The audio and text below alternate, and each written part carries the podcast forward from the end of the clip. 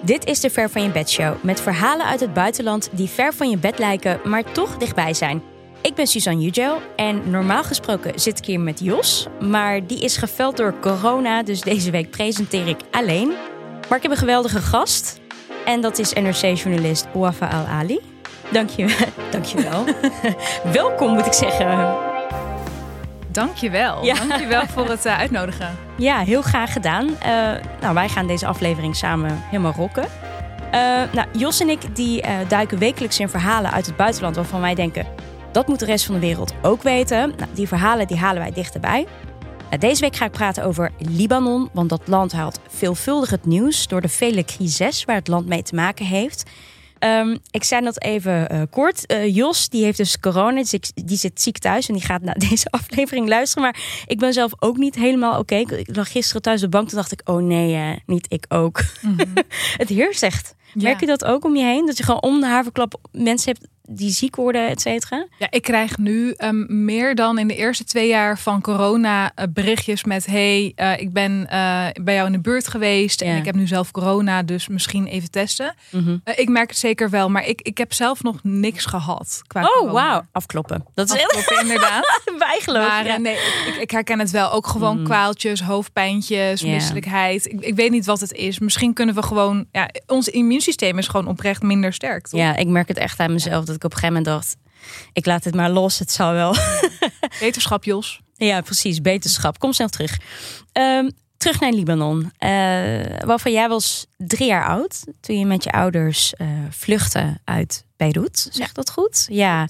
Ga je nog regelmatig terug naar je land van herkomst? Nee, ik ben eh, zeg maar vier keer in, mijn, in mijn leven los zeg maar, van de eerste keren in Libanon geweest. En de laatste keer was vijf jaar geleden met mijn vriend. Hij is nu mijn man. En eh, we zijn wel van plan om, om ja, binnenkort, we hopen misschien na de zomer en anders met de lente, eh, komende lente te gaan. Ehm, terwijl eigenlijk vijf jaar geleden, toen ik er was, eh, keek ik hem aan en ik zei: Nou ja, ik hoef de komende acht jaar echt niet meer hier te zijn. Oh joh, waarom? Ik was gewoon, ja, ik, ik, eh, ik, ik vond gewoon dat eh, er te veel bemoeienis was. Mm. Want al- als ik daar ben, dan zien mensen natuurlijk aan me nou ja, dat ik Arabisch ben. En dan soms horen ze dat ook. En dan willen ze alles van je weten. En dat is in het begin wel leuk. Mhm. Maar op een gegeven moment voel je je wel heel erg geclaimd. Zonder dat je, nou ja, ja ik voel mij daar niet per se 100% thuis. Ehm, dus dat, het was een beetje, be- het kan beklemmend worden na Ja. drie weken. Ja. En, eh, maar ja, nu, nu denk ik daar wel anders over. Ook omdat sinds we daar zijn geweest, eh, heel veel is gebeurd. Ja. Dat heeft wel een soort van heimwee aangewakkerd. Oh joh, dus Ja. juist alles wat er nu gaande is, heeft bij jou heimwee Ja, aangewakkerd. zeker. Dat ik echt denk van, eh, nou ja, wat doe ik hier? Ik wil gewoon daar zijn en onderdeel zijn van de gebeurtenissen. Of in elk geval ehm, het aanschouwen van dichtbij. Ja. Want eh, als ik hier, ja, zeg maar, als, als ik hier ben en er gebeurt dus iets dramatisch in Libanon, eh, dan ja, kan me dat heel erg aangrijpen. Mhm. En eh, er komt ook een schuldgevoel bij kijken. En ik denk, ben, ik ben gewoon heel erg benieuwd eh, ehm, hoe, het, hoe het zal zijn als ik daar weer ben. Van hoe dat schuldgevoel zich ontwikkelt. Ja. En ik denk dat het schuldgevoel ook ermee te maken heeft van, oh ja, ik zit hier in Nederland en ik zit alles een beetje van een afstandje te bekijken en commentaar te leveren. Maar eh, ja, de mensen daar ondergaan het allemaal. Dus voor mij voelt het gewoon heel erg makkelijk. Ja, ik snap het. En nou ja, we gaan natuurlijk ook hebben over alle problemen die zich in het land eh, eh, afspelen. Maar als je een band hebt met het land, dan denk je er vaak op een hele andere manier aan. Want bijvoorbeeld, ik, heb, ik ben van Turkse afkomst. En andere mensen vragen altijd aan mij: wat vind jij nou van Erdogan? En dan denk ik: oh mijn god, hij is gewoon bijna synoniem geworden voor Turkije. Terwijl als ik aan Turkije denk, denk ik niet aan Erdogan. Ehm, als jij aan Libanon denkt, eh, wat is dan het eerste wat in jou opkomt? Oh, eh, qua woord of qua beeld? Oeh, allebei. Want ik, ik ben best wel visueel ingesteld. Ja, dus wat als zie je ik, dan? eh, dan zie ik gewoon echt de zee met de bergen op de achtergrond. Dat Mm. is gewoon ja, heel cliché, maar dat is wel echt het beeld wat ik ervan heb. Gewoon nou ja, natuur, eh, ja, gewoon prachtige zee, mooie vruchtbare bergen. Ehm, en qua woord, ja, ik weet niet, ik, ja, gewoon dingen, gewoon muzikanten. Gewoon Mm. bandjes waar ik naar luister, artiesten die ik net eh, heb ontdekt. Dus toch wel culturele dingen. Ja, gelukkig, gelukkig niks negatiefs. Dat is ook echt wel waarom ik dacht, oh ja, vaak als je land van herkomst is, dan denk je er niet op een problematische manier aan. Dan denk je juist aan de mooie, fijne dingen van het land. Ik wil er ook wel voor waken hoor, dat het uh, niet te negatief wordt. Want ik merk dus ook, zeg maar, wanneer ik hier ben, dan lijkt het uh, allemaal nog meer een nachtmerrie mm. te zijn dan als je daar voet aan de grond zet en je er eigenlijk achter komt van, oh, ik dacht dat hieronder haverklap, laten we zeggen, explosies uh, plaatsvonden. Dan heb ik het echt specifiek over toen ik in 2014 er naartoe ging. Dat was dan nu acht jaar geleden. Toen was ik heel erg bang. Ik dacht, waarom heb ik een ticket geboekt? Oh, ja. Uh, Ook omdat je in die periode en daarvoor ook best wel vaak, nou ja, bomaanslagen en zo had. Uh, maar toen ik daar dus eenmaal voet aan de grond zette, dacht ik, nou, het leven gaat hier gewoon door. Mensen zijn ook gewoon helemaal niet bezig met de volgende bomaanslag. Relax. Dus uh, dat is vaak wel een mooie herinnering aan mezelf. Uh, van, nou ja, het lijkt hier altijd erger dan het daar is. En daarmee wil ik echt niet bagatelliseren dat er daadwerkelijke problemen zijn. En dat mensen ook, um, nou ja, hun levensstandaard drastisch naar beneden zien gaan. Maar nou ja, goed. Gewoon ik, iemand als de, uit de diaspora. Nou ja, ik weet niet. Ik, weet, ja, wat ik eigenlijk probeer te zeggen is van de mediawerkelijkheid hier focust ook wel heel erg op de negatieve dingen. Ja. Dus. Ja. En Libanon en Turkije en alle andere landen zijn zoveel meer dan de slechte headlines.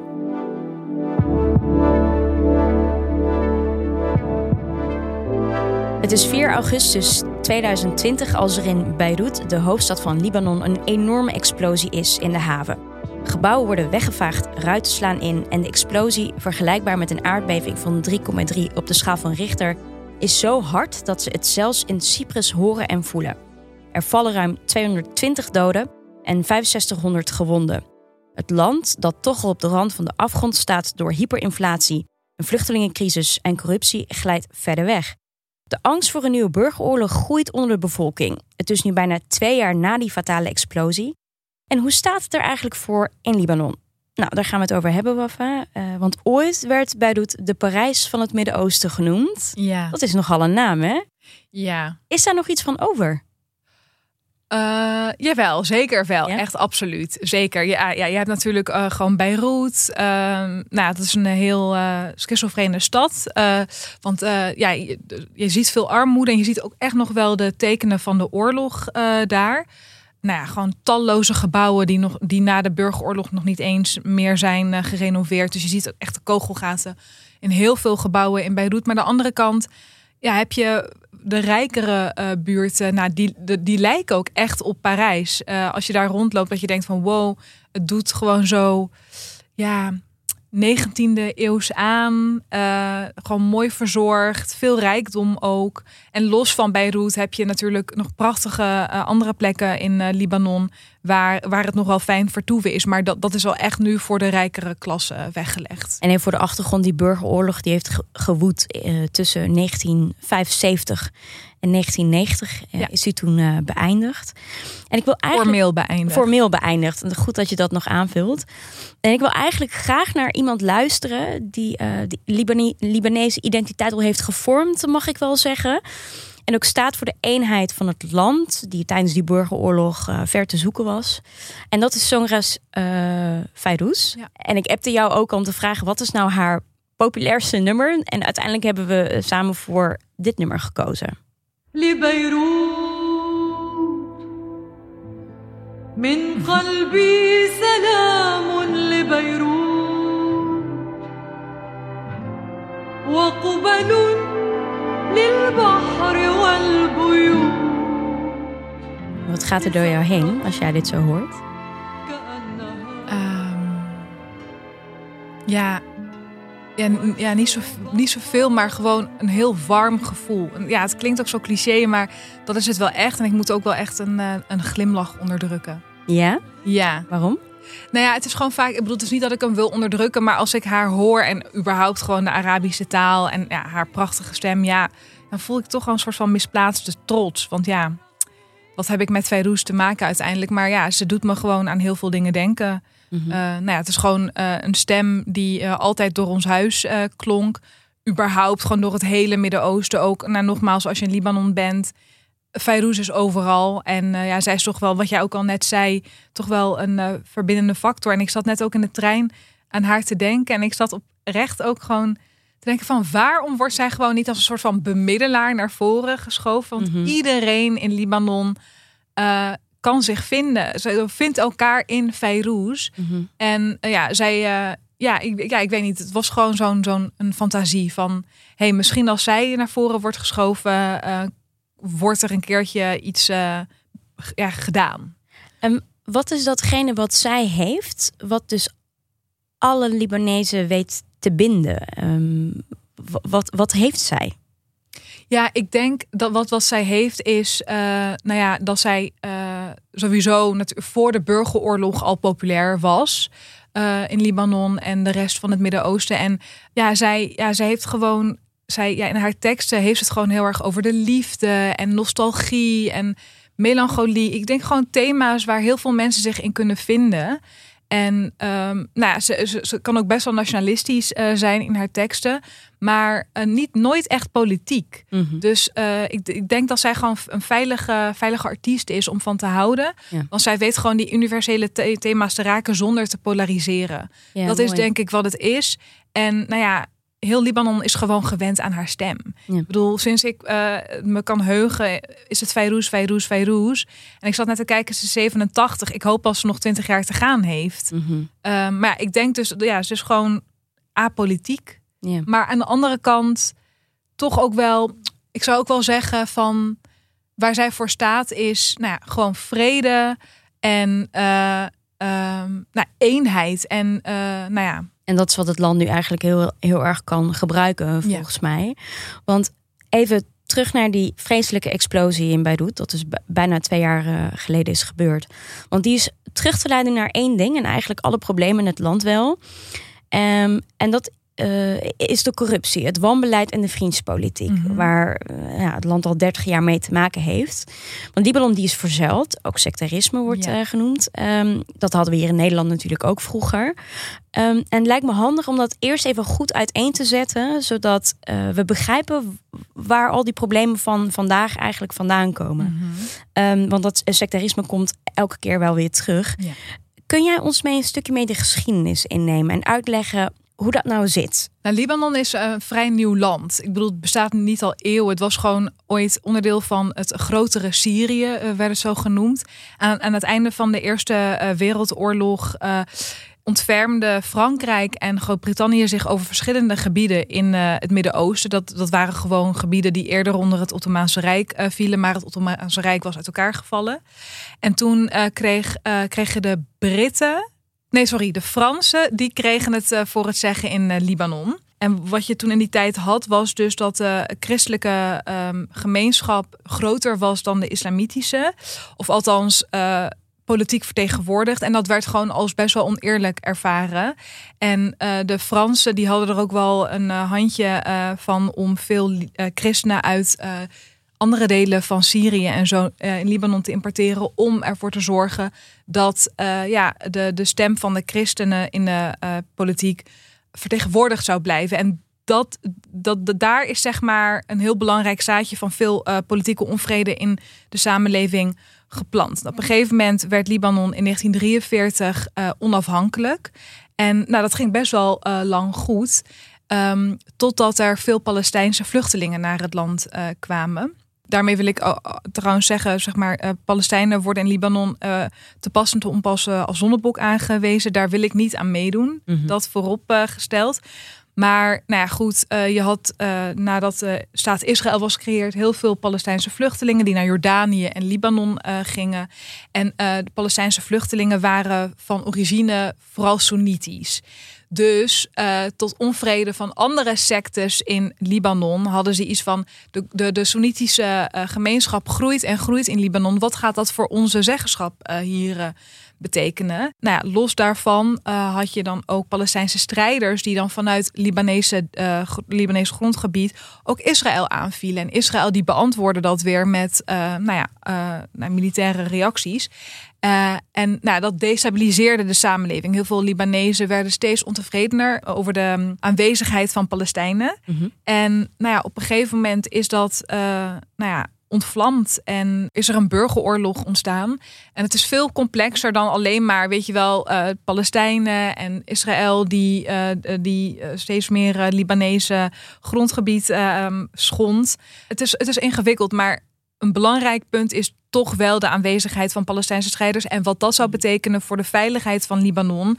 Want ja, je had natuurlijk ook buurland Israël die daar eh, met argusogen ogen naar keek. Ja. Nou goed, en die burgeroorlog die woedde eh, 15 jaar. En in 1990 werd er een eh, vredesakkoord eh, getekend. En toen is ook wel erkend van we moeten het politieke systeem evenrediger gaan eh, verdelen. Want er zijn eh 18 groepen in Libanon, als ik me niet Ja, vergis. Religieuze sectes. Religieuze sectes. En die allemaal moesten vertegenwoordigd worden in dat eh, politieke systeem, Ja, toch? Dus Ja. wat je zag is dus dat het aantal zetels in het eh, Libanese parlement werd uitgebreid. Om in elk geval te kunnen voldoen aan een evenredige verdeling. En eh, ja, ja, je hebt het net gehad over die 18 sectes. Nou, uiteindelijk zijn die 18 sectes weer onder te verdelen onder christendom en islam. Dus eh, nou, je hebt nu in het parlement eh, 128 zetels. En eh, nou, de helft daarvan gaat naar eh, christelijke eh, parlementariërs en de andere helft naar islamitische. Eh, nou, en de grondwet eh, schrijft dus dan ook voor dat eh, nou ja, de meest belangrijke politieke posten door de meest belangrijke sectors moeten worden eh, vervuld. Dus Mhm. de president moet altijd een Maroniet zijn. En Maronieten zijn christenen. Dan heb je ehm, de eh, Premier. premier, dat is Ja. altijd een Soenitisch moslim. Mhm. En dan heb je nog de voorzitter van het parlement. Laten we ja, de Vera Bergkamp, eh, zeg maar. dat is al Mooie vergelijking. Ja. dat is een Shiït. En die, hij is al 30 jaar voorzitter van het eh, parlement. Dezelfde persoon? Ja, dezelfde persoon. Nou, dan... eh, ja, wow, daar kun je gewoon niet eens over denken, zeg nee, maar. Ja. precies. Ja. Maar eh, dus nou, zo zijn, zijn, zo zijn ze verdeeld. En nou, de bedoeling was dus om dus de balans en de lieve vrede te bewaren. Maar wat je eigenlijk ziet is dus dat het sectarische systeem Libanon alleen maar verlamt. Op dat sectarische systeem, daar is ook kritiek op, hè? ook onder veel jonge Libanezen. Je had zelf een nummer aangedragen ehm, van, een, van een groep, een, een Libanese band. Queer, jong. En zij zingen het volgende.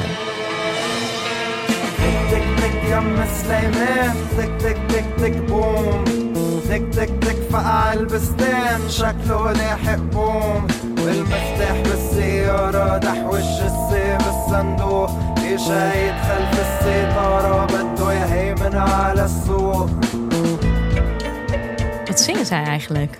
Wat ik zo sterk vind aan Mashour Leila, want het nummer gaat dus is eigenlijk een aanklacht eh, ehm, tegen het sectarisme en eigenlijk tegen hoe politici het volk gegijzeld houden met hun sectarische politieke denken. En wat ik zo mooi vind aan Mashour Leila is dus dat zij heel erg met de dubbele betekenis van woorden spelen. Dus boom staat natuurlijk voor explosie. Die heb je heel veel gehad in eh, Libanon. Ja. Maar boom is ook een eh, woord voor L. En eh, kijk, in de Nederlandse taal is als je zegt van oh ja, een L, ja, dat, die, dat associeer je met wijsheid en zo. Maar in de Arabische taal en cultuur, als je iemand voor boom uitmaakt, L, dan is het gewoon een jankert. Oh ja. Gewoon iemand, weet je wel, zo van. Of iemand die gewoon heel erg gehypnotiseerd naar iets kijkt. En hij heeft het dus erover dat hij gewoon in zijn woonkamer zit naar televisie te kijken. En dat hij gewoon gehypnotiseerd wordt door de media, door politiek. En eh, hij ziet gewoon allerlei mensen op eh, tv met elkaar vechten en zeggen van mijn kleur is beter dan jouw kleur. Dus mijn Ja. secte is beter dan jouw secte. En nou, daar is hij het gewoon niet mee eens. Ja. Ja. Want laten we even een sprong maken naar oktober 2019. Want die ontevredenheid die in dat nummer terugkomt over dat sectarisme. ehm, dat werd een collectieve ontevredenheid. Ehm, eh, want toen waren er massaprotesten. Nou, heel veel Libanezen gingen als één front. Echt als Libanezen. Niet van jij bent van die secte, jij bent- van die secte. Maar als één front gingen ze de straat op. Want ehm, er werd een WhatsApp-belasting eh, aangekondigd. Eh, de zoveelste belasting om de kas eigenlijk te spekken. En dat was de spreekwoordelijke druppel die bij veel mensen de emmer deed overlopen. Mensen waren er echt helemaal klaar mee. En er werd zelfs van een revolutie gesproken destijds toen men de straat op ging. Mensen waren echt heel boos. En die wilden dat, dat, dat alle leiders dat zij weggingen. Ja. Ehm, hoe was dat destijds? Hoe ervaarde jij dat toen jij ernaar keek? Eh, ja, nou ja, als iets oprecht eh, eh, unieks. Omdat, juist inderdaad omdat Libanezen, maakt niet uit uit welke klasse of uit van welke achtergrond ze kwamen. Ze gingen allemaal de straat op met dezelfde boodschap. Killon yani killon. Dus iedereen betekent ook echt iedereen. Iedereen moet het veld ruimen. En je zag ook allemaal gewoon borden met, nou ja, wij zijn, wij zijn niet onze secte, wij zijn gewoon één. En het enige wat ons bindt is dus dat we Libanees eh, zijn. En dat we gewoon het beste eh, voor eh, hebben met ons land. En dat gaf enkele weken heel veel hoop. Ook gewoon voor mensen in de diaspora. Dat je dacht van oké, nu, zeg maar nu echt inderdaad revolutie. Maar na een paar weken werd ook, ook wel duidelijk van nee, het, het- is alleen maar geschreeuw. Het, het, het systeem is zo ingebakken. Het is heel moeilijk om dat te veranderen. Je moet echt een grondwet wijzigen. En nog talloze andere ingrepen doen in het eh, systeem. Wil je ook zeg maar kunnen antwoorden aan eh, de boodschap van de revolutie. Het is echt heel lastig gebleken. En ook omdat, nou, je had bijvoorbeeld wel de premier van destijds, die was na minder dan twee weken wel afgetreden. Hij kon ook niet anders. Maar ja, toen ontstond er wel een lange periode van een vacuüm. En wat het vacuüm liet zien al heel snel is dus dat nou ja, de president en allemaal andere eh, invloedrijke personen, nou, die waren helemaal niet van plan om te wijken. Mhm. Dus die bleven gewoon heel krampachtig op hun zetel. En op een gegeven moment zag je ook dat corona uitbrak. En nou ja, dat, dat heeft zeg maar ook wel een beetje de revolutie de das omgedaan. Vanwege de lockdown-maatregelen en zo. Ja. Nou ja, en hoe langer het duurt, hoe, hoe minder motivatie mensen weten op te brengen, helaas. Maar Ja. het begon echt heel hoopvol. Om nog even bij die eh, explosie stil te staan. Ik heb het gevoel dat dat wel een soort omslagpunt is. Waarvan echt een enorm demoraliserend ding was. Van, het gaat economisch al slecht. Die protesten hebben niks uitgehaald. Dit ook nog erbij. Ja, gewoon, wat is onze toekomst nog? Ja. Klopt dat? Ja, dus dat klopt zeker. Ik bedoel, je, je, je hebt altijd wel gewoon gehad dat Libanezen hun kinderen naar het buitenland stuurden om te studeren en daar werk te vinden. Maar ehm, sinds de revolutie, sinds de mislukte eh, revolutie helaas, zie je dat de uitstroom van mensen echt eh, ja, eh, andere hoogtes aan het bereiken is. Ja, steeds meer mensen die dus lang genoeg hebben gezegd: nee, we blijven in Libanon, we zien een toekomst voor onszelf en onze kinderen hier ondanks de moeilijkheden, ja, je ziet dat ze nu wel de handdoek in de ring gooien. En ja, toch wel nu ja, steeds meer mensen dus het land proberen uit te komen. Ja. Ehm, ja. Wat heel pijnlijk is natuurlijk. Ja. Want dat zijn juist de mensen die je nodig hebt. Mhm. Ja. Ja, zeker. Ik bedoel, je hebt, kijk, zeg maar, uiteindelijk, volgens mij is dat ook al een algemeen bekend ding. Je hebt meer Libanezen in de diaspora dan in het land Mm, zelf. Ja. En eh, ja, dat zijn vaak ook wel gewoon ja, mensen die dus naar het buitenland zijn gegaan om een opleiding te volgen en nou ja, bij grote bedrijven te werken. Ja, helaas. Ik bedoel, dus wel, er zijn va- vaak wel gewoon mensen die eh, zoveel kennis eh, hebben opgedaan dat ze dat misschien ook wel zouden kunnen inzetten in Libanon. Maar ja, dan moet Libanon zo ook wel een toekomst kunnen bieden. Ja, en dat is op dit moment moeilijk, want de afgelopen mei waren parlementsverkiezingen. Nou, dat is de eerste sinds 2018 en sindsdien gaat het economisch gewoon heel erg slecht met het land. Eh Libanese dollar die is eigenlijk niks meer waard. De Eh, pond. de pond, sorry, ja. En nou, de economie is met eh, 60% gekrompen. Het bankensysteem is ingestort, waardoor veel mensen hun spaargeld kwijt zijn. Nou, de helft van de mensen leeft in armoede als er al niet meer zijn. Er was eerst een soort van middenklasse, Ja. die is er eigenlijk ook niet meer. Ehm, en ik zag er zelfs een inflatiecijfer voorbij komen van 250% Ja, Nou ja, wij hebben hier met onze 10% al heel erg veel last van. We hadden Ja. het net hiervoor al heel even over eh, Ja. voor de opname. Zo van alles wordt duur. ja, Nou als je denkt aan 250% dat is natuurlijk idioot hoog. Ehm, Dat lijkt me ook wel een gemiddeld cijfer, want er zijn ook gewoon bepaalde producten, gewoon dingen als brood, die echt met duizend procent zijn gestegen. oh, hemeltlief. Ja, Ja. en ja, nou, ik wil je niet per se, ik wil niet onderbreken, maar bijvoorbeeld vorig jaar heb ik ook eh, ehm, eh, eh, helpen inza geld he- helpen inzamelen voor een eh, project in Libanon. Eh, dat project eh, deelt dan hygiënische producten uit voor aan vrouwen omdat door de st- prijsstijgingen heel veel vrouwen ook eh, dingen als tampons en inlegkruisjes en al die andere dingen die ze nodig hebben voor hun eh, menstruatie niet meer konden betalen. Ja. Eh, en wat je vorig jaar dus ook zag, inderdaad, vanwege die eh, hoge prijsstijgingen, is dus dat wanneer de diaspora eh, nou ja, op jaarlijks familiebezoek eh, ging, in plaats van dat ze met alle, weet ik veel, allemaal nieuwe kleren of whatever kwamen, tassen en koffers vol met medicijnen, met Mhm. ehm, nou ja, dus die eh, hygiënische producten en maar andere dingen die dus, nou ja, die je normaal niet zou meenemen voor je familie en vrienden in Libanon, want iedereen kon dat betalen. Precies. En nu kom je, ja, gewoon echt de meest simpele medicijnen. Daar was, daar is dus gewoon nog steeds een tekort aan. Ja. Ehm, ja, dus dat is al een, eh, een ehm, heel belangrijk teken van de kostenstijgingen daar. Ja. Ja, precies. Want eh, die verkiezingen, de, de opkomst was niet zo heel erg hoog. Is er toch een hoopvolle ontwikkeling?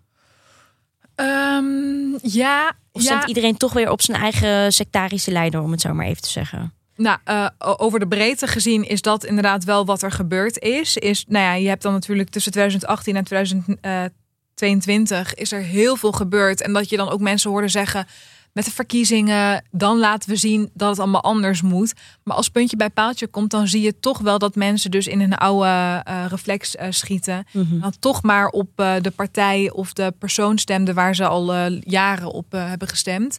Ehm, dus nou ja, over de, over de ja, breedte zie je dus wel dat er niet zo heel veel is veranderd. Maar uiteindelijk eh, zijn bijvoorbeeld hebben de partij van de president en nog van een andere eh, krijgsheer uit de burgeroorlog, die, die hebben zeg maar wel eh, een derde van het aantal stemmen in vergelijking met de vorige verkiezingen moeten inleveren. Dus dat is dan wel een soort van bestraf, een afstraffing van de kiezers. En aan de andere kant heb je dus, hebben er verschillende anti-establishment groepen aan de verkiezingen meegedaan. En die groepen, ja, dat waren dus verschillende, maar die hadden wel gezegd: als wij in het parlement komen, dan gaan we ons ook echt verenigen als één blok tegen de oude gevestigde partijen. En die anti-establishment partijen hebben uiteindelijk iets van 13 zetels eh, behaald. Ja, dat is eh, net 10% eh, van het totaal aantal zetels. Je kunt je afvragen, wat gaat dat ehm, betekenen? Of wat kan dat uithalen? Nou ja, beter dan niks. Ik bedoel, ze zijn nu wel met 13 eh, binnengekomen. Dus eh, ja. dat, zij worden hopelijk ook wel een belangrijke luis in de pels. En aan de andere kant zie je ook dat eh Hezbollah, die heeft heel lang een eh, eh, meerderheid in het parlement gehad. Ja, die is nu ook de meerderheid kwijt Ja. sinds de afgelopen verkiezingen. En Hezbollah is een belangrijke Sjiitische Ja. groep die heel veel macht heeft in, Ja. in, in Libanon, gesteund door Iran ook. Ja, ik durf te zeggen dat het toch wel de belangrijkste politieke partij in Libanon is. Ook omdat zij soort van zij kiezen uiteindelijk de president.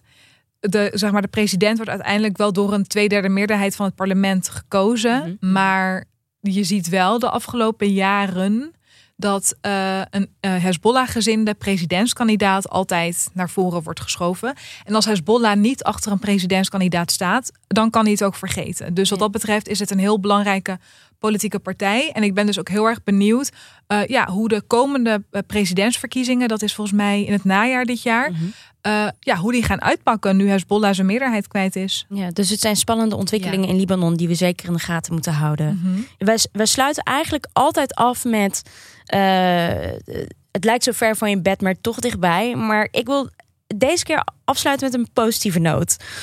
Want we hebben natuurlijk over nou, problemen in Libanon. Maar wat is iets wat mensen niet zo goed weten over Libanon, maar wat wel echt heel erg leeft daar bijvoorbeeld? Ja, nou, we hebben dus net een eh, liedje van Masor Leila gehoord. Ja. En eh, nou, dat is een eh, band eh, die heel erg zich uitspreekt voor queer rechten. En dat komt ook omdat de zanger openlijk homoseksueel is en een aantal andere bandleden ook.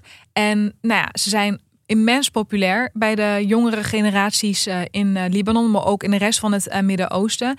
En wat het voor mij dus ook laat zien is, oh ja, Libanon is uiteindelijk ook wel, als je zeg maar van alle andere Arabische landen moet zeggen, wat is een veilige haven voor queer mensen, dan, dan zou ik Libanon eh, zeggen. En echt niet omdat iedereen daar zo progressief is, maar Ja. je hebt in Beirut wel, eh, nou ja, gewoon eh, queergezinde wijken die te vergelijken zijn met bijvoorbeeld de reguliersdwarsstraat eh, hier in Amsterdam. Mhm. Ehm, ja, en dat, ja, dat, dat, dat vind ik ook heel erg exemplarisch voor eh, de Libanese cultuur. Dat het gewoon heel erg open en progressief eh, is.